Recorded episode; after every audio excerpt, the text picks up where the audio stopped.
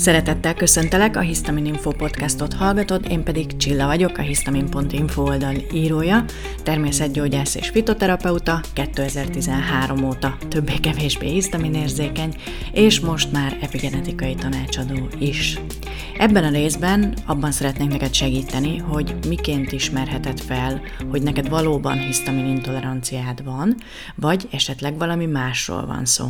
A hisztamin érzékenység még mindig nem kimondottan elismert a klasszikus orvoslásban, annál inkább teret nyer az alternatív terapeuták körében, és sajnos az a tapasztalatom, hogy a hisztaminózis alapos ismerete nélkül riogatják vele a segítségért hozzájuk fordulókat. Még olyan is előfordult, képzeljétek el, hogy valaki évek óta kereste a megoldást a problémáira. A barátnője azt mondta neki, szerinte hisztamin allergiája van, erre még majd visszatérünk, hogy ugye ilyen meg egyébként sem létezik, és amikor hozzám fordult, én mondtam neki, hogy ez nem az lesz, megsértődött, hogy én miről beszélek, hát neki hasonlóak a tünetei. Aztán csináltatott végül is egy ilyen hisztamin és DAO kombinált tesztet, és aztán ezt követően kiderült, hogy valóban nem hisztamin problémája van. De hogyan tudjuk megállapítani, hogy a tüneteinket a magas hisztamin szint váltja-e ki?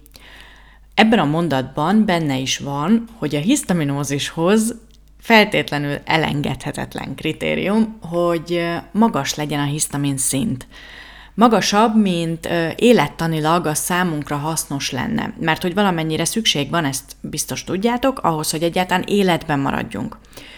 Alacsony hisztamin szint nem tud hisztamin által kiváltott tüneteket okozni. Akkor irány a labor, és mérjünk hisztamint nem eszik ennyire forrónak ását, mert a hisztamin szint önmagában értelmezhetetlen paraméter, mert a nap folyamán nagyon erősen ingadozik a mennyisége, és ha most felugrottál és elfutottál a laborig, hogy megméresd a hisztamin szintedet, akkor bizony az akkor is magas lesz, hogyha egyébként nem vagy hisztamin érzékeny. A vizsgálatokról egyébként az előző részben már volt szó, ott bővebben meghallgathatod, hogy minek van értelme és minek nincs értelme. A podcast leírásába beleteszem a linket, akit érdekel. Menjünk tovább, akkor nem nézhetünk most hisztamin szintet, mert épp nem engedhetjük meg magunknak, vagy otthon sírdogálunk, hogy nem bírjuk a krumplit, vagy a rist, vagy a répát, vagy a kukoricát, de a paradicsom, meg a citromlé, sőt, a tonhal konzerv se okoz problémát. Itt gyanúsnak kell lennie, hogy ez feltehetően valamilyen egyéb ételi intolerancia, már ha az, és nem hisztamin probléma, mert ha egy élelmiszer alig tartalmaz hisztamint, és mondjuk a krumpli, a rizs, a répa vagy a cukkini nem nagyon tartalmaz hisztamint, nagyon-nagyon keveset friss állapotukba, és így nem nagyon tudnak kiváltani ilyen nagyon erős hisztaminos reakciót.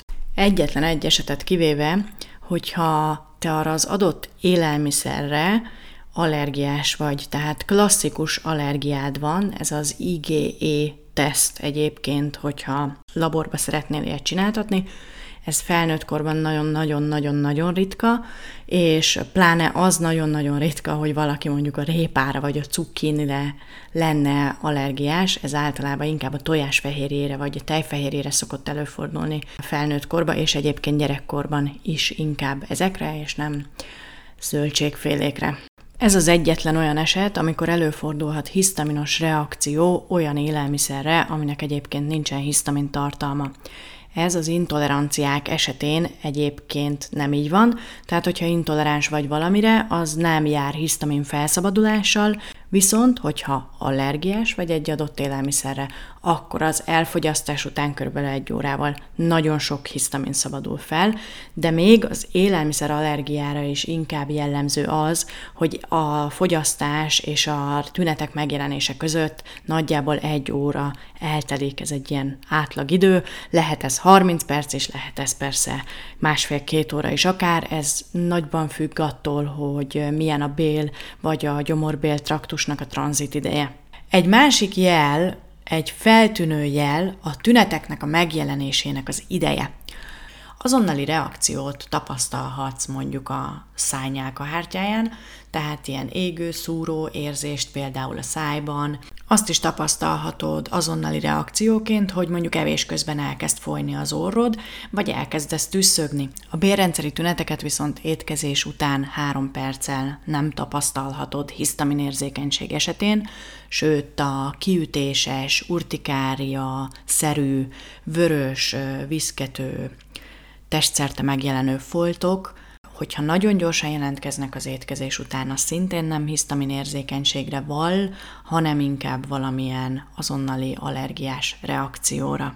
Általánosságban elmondható, hogy a tünetek megjelenésére az étel elfogyasztásától számítva 30 perc és 2 órán belül számíthatsz. Vannak olyan esetek, például a hisztamin liberátor ételek esetén, ahol akár 24-48 óra is eltelhet, mire jelentkezik valamilyen reakció, ezeket emiatt nagyon-nagyon nehéz beazonosítani, hogy problémát okoznak.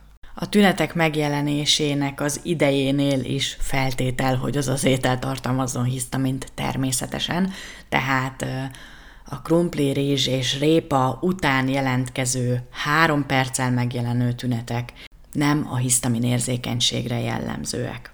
A tünetek megjelenésének ideje után, ami még beszédes lehet, hogy hisztamin érzékenységed van, az a tünetek lecsengésének az ideje. Hogyha a DAO-hoz köthető hisztaminbontási problémád van, akkor általában a tünetek 30 perccel, két órával az étkezés után megjelennek, és általában egy-két óra alatt le is csengenek hogyha a HNMT enzimhez köthető hisztaminbontási problémád van, akkor a tünetek nagyon sokáig elhúzódhatnak, akár 72 óráig is eltarthatnak, Hogyha hízósejt aktivációhoz köthető tüneteid vannak, akkor a tünetek lecsengése akár egy hét is lehet. A különbség a DAO által úgymond kiváltott tünetek és a HNMT enzim által kiváltott tünetek között, hogy a DAO által kiváltott tüneteknek általában jóval nagyobb az amplitudója, tehát a tünetek gyorsan jelentkeznek az étkezés után, elég kellemetlenek tudnak lenni, követheti heves hányás, hasmenés, akár erőteljesen viszkető vörös foltok a melkason például, a HNMT esetén viszont a tünetek sokkal lassabban jelennek meg, több óra elteltével jelennek meg, sokkal kisebb amplitudójuk van, tehát egy kicsit jobban elviselhetőek, nagyon jellemzőek ilyenkor az idegrendszert érintő tünetek, tehát mondjuk egy migrén megjelenése, szorongás megjelenése, viszont nem annyira heves, mint a DAO esetén, de tovább el is tart, tehát akár 72 órán keresztül is szoronghatsz. Vagy ugye a migrénnél is nagyon jól ismerjük,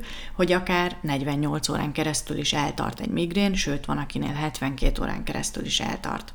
És természetesen vannak olyan esetek, amikor ennek a kettőnek a keveréke jelentkezik, tehát megjelennek a tünetek nagyon gyorsan, a daóra emlékeztető tünetegyüttessel, tehát hasmenéssel, hányással, majd később elkezdenek a HNMT-re jellemző tünetek megjelenni, tehát mondjuk 10 órával később megérkezik a migrén, megérkezik a szorongás. Összefoglalva, hogyha hisztamin érzékenységed van, akkor ez a három dolog mindenféleképpen hívja fel a figyelmedet arra, hogy nem biztos, hogy itt csak a hisztamin okozza a problémáid, vagy egyáltalán, hogy a hisztamin okozza a problémáid, az egyik az az, hogy bírod a magasabb hisztamintartalmú ételeket, ezzel szemben viszont nem bírod mondjuk a krumplit vagy a répát, ez esetben inkább gyanakodj ételintoleranciára és nem hisztaminintoleranciára. A másik, hogyha nagyon-nagyon gyorsan jelentkezik például a vizes hasmenés az étel elfogyasztását követően, vagy akár étkezés közben, akkor ez inkább valamilyen bérrendszeri gyulladásra val, ehhez mindenféleképpen kérd orvos segítségét, hogy kiderítsd, hogy ilyenről van-e szó a másik pedig a tünetek lecsengése.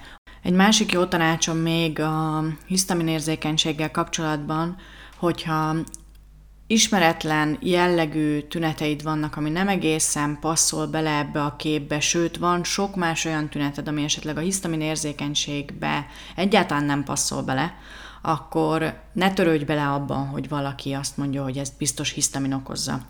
Nagyon sokszor látom azt, hogy olyan tünetekre, ami nehezen beazonosítható vagy összeköthető egy betegséggel, arra most rámondják, hogy hisztamin érzékeny, bizsergő végtagok, szurkál az emberbőre, vagy nagyon-nagyon sokat szédül, sipol a füle.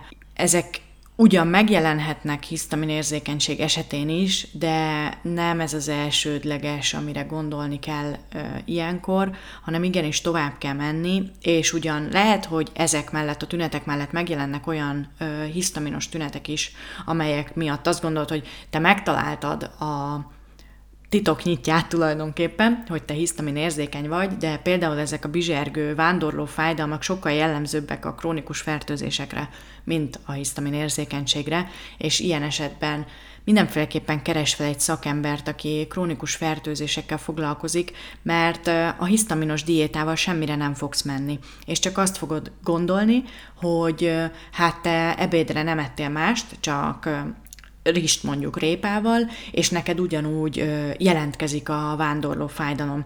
Hát igen, de ezt nem hisztamin okozza. Sokszor tapasztalom azt is, hogy szeretnek az emberek belesüppedni ebbe a diagnózisba, hogy hisztamin érzékeny vagyok, és utána semmit nem tenni, azon kívül, hogy diétázok, diétázok, diétázok, és már két éve diétázok, és még mindig ugyanúgy hisztamin érzékeny vagyok. A hisztamin érzékenység nem egy önálló betegség, a hisztamin érzékenység egy tünet, méghozzá valamilyen betegségnek a tünete, vagy valamilyen olyan életviteli problémának a tünete, amelyen érdemes változtatnod, különben valóban soha nem fogsz megszabadulni a hisztamin szegény diétától. Vannak egyébként kivételek, amikor valaki valóban nem tud megszabadulni a hisztamin szegény diétától, és ezt én sokszor egy kicsit mostoha gyerekként kezelem, mint a blogon, mint bármilyen csatornán, amin beszélek a hisztamin érzékenységről. Ez az egyik a, az MKS, vagyis a hízósejt aktivációs szindróma. Ebben az esetben a hízósejtek túlságosan érzékenyek, akár születésünktől fogva, és nagy mennyiségű hisztamint szabadítanak fel különböző behatásokra. Ilyen behatás például a rezgés, autóban utazás, gondoljatok például az utazási betegségre, túlzott meleg, napsütés, túlzott hideg, remegés, ezek a hízósejteket ingerlik, és nagy mennyiségű hisztamint szabadítanak fel. A másik pedig a masztocitózis, amikor a hízósejteknek a mennyisége jóval magasabb, vagy a hízósejtek száma jóval magasabb, mint az egy normális embernél. A masztocitózis egy nagyon ritka betegség egyébként. Itt is az a probléma, hogy ugye a nagy mennyiségű hízósejt nagyobb mennyiségű hisztamint tud felszabadítani, mint amennyit bontani tudunk. Amíg az MKZ a lakosságnak a nagy részét érinti, és úgy néz ki, hogy egy felmérés alapján 17% az embereknek különböző életszakaszban megtapasztalja a hízósejt aktivációs szindrómának az áldásos hatásait, addig a masztocitózis jóval ritkább és kimondottan ritka megbetegedésnek számít. Az MKS, vagyis a hízósejt aktivációs betegség felismerhető arról, hogy nem reagál a hisztamin szegény diétára, pontosabban nem úgy reagál a hisztamin szegény diétára, mint a hisztamin érzékenység, tehát ez esetben van úgy, hogy valakinek folyamatosan hisztamin szegényen kell étkeznie, javítja ugyan az állapotát, de nem úgy, hogy két hét diéta után kicsattanóan jól érzed magad. Tehát az MKZ-ra nagyon jellemző az, hogy a diétával nem tudunk annyira ellensúlyozni, hogy tünetmentes legyen valaki, mert hogy a külső behatások sokkal inkább befolyásolják az egyénnek az állapotát, mint a sima hisztamin intoleranciánál, ahol valóban az a probléma, hogy a kívülről bevitt hisztamin tüneteket vált ki. Itt nem ez a probléma, hanem itt az a probléma, hogy a test önmaga túl sok hisztamint szabadít fel. Ezáltal hiába diétázunk hisztamin szegényen, amint történik újra valamilyen ö, szélsőséges ö, hatás, szélsőséges nem mondható hatás, ami ugye másnak nem lenne szélsőséges, csak MKZ esetén szélsőséges, akkor rosszabbodik az állapot. És természetesen különböző súlyosságú esetek vannak. Van, akinél egyébként ez abszolút kordában tartható, nem kell semmilyen gyógyszert szednie, és vannak olyan esetek is, amikor bizony gyógyszeres kezelésre is szükség van, Hát Magyarországon nem tudom, hogy van-e olyan szakember, aki foglalkozik MKS diagnosztizálásával, majd ö, esetleg kezelési alternatívákkal rendelkezne. Németországban az Uni Bonn és az Uni Erlangen tudom, hogy foglalkozik MKS páciensekkel, és a diagnosztizálásukkal és a kezelésükkel is. Sajnos egyébként külföldön is és Magyarországon is nehéz helyzetben vannak azok, akiknek ez a fajta betegségük van, mert hogy ez külföldön sem különösebben elterjedt, és nem is olyan egyszerű diagnosztizálni következő részben a hisztamin érzékenység okairól szeretnék nektek beszélni, és abban szeretnék segíteni, hogy miként tudod kideríteni a kiindulási problémát, hogy mi az, ami valójában okozza neked a hisztamin érzékenységet. Ez majd valószínűleg egy sorozat lesz egyébként, mert hogy nem fog beleférni egy részbe, és szeretném majd ezen keresztül azt is taglalni, hogy a különböző okok miként befolyásolják a hisztamin érzékenységed. Szeretnék még valamit elújságolni nektek. Nem tudok pontos dátumot, de a következő hetekben valamikor jelentkezünk egy e-bookkal, a Mentes utakon Dettivel. Ő adja hozzá a recepteket nektek, én pedig a kezdeti információkat, ez egy hisztaminos mini kalauz lesz, méghozzá kimondottan kezdőknek tervezve. Ennek az útmutató kisfüzetnek a célja egyébként az, hogy az első pár hétben, amikor az ember teljesen elveszve bolyong és kering a Facebook csoportok között, és nem tudja, hogy mit tegyen, és már a 72. táblázatot tölti le az internetről, és még mindig teljes kavarodásban van, hogy most akkor mit lehet és mit nem. Szeretnénk egy kis kiutat mutatni, és lépésről lépésre ezt az első pár hetet megkönnyíteni, hogy miként tudod kideríteni az okokat, mit ehetsz ebben a pár hétben, és igyekszünk segíteni, hogy mi hamarabb jól érezd magad, és a kezedbe adjunk egy hisztaminózis térképet. Mindenkinek tünetmentes szép napot, sziasztok!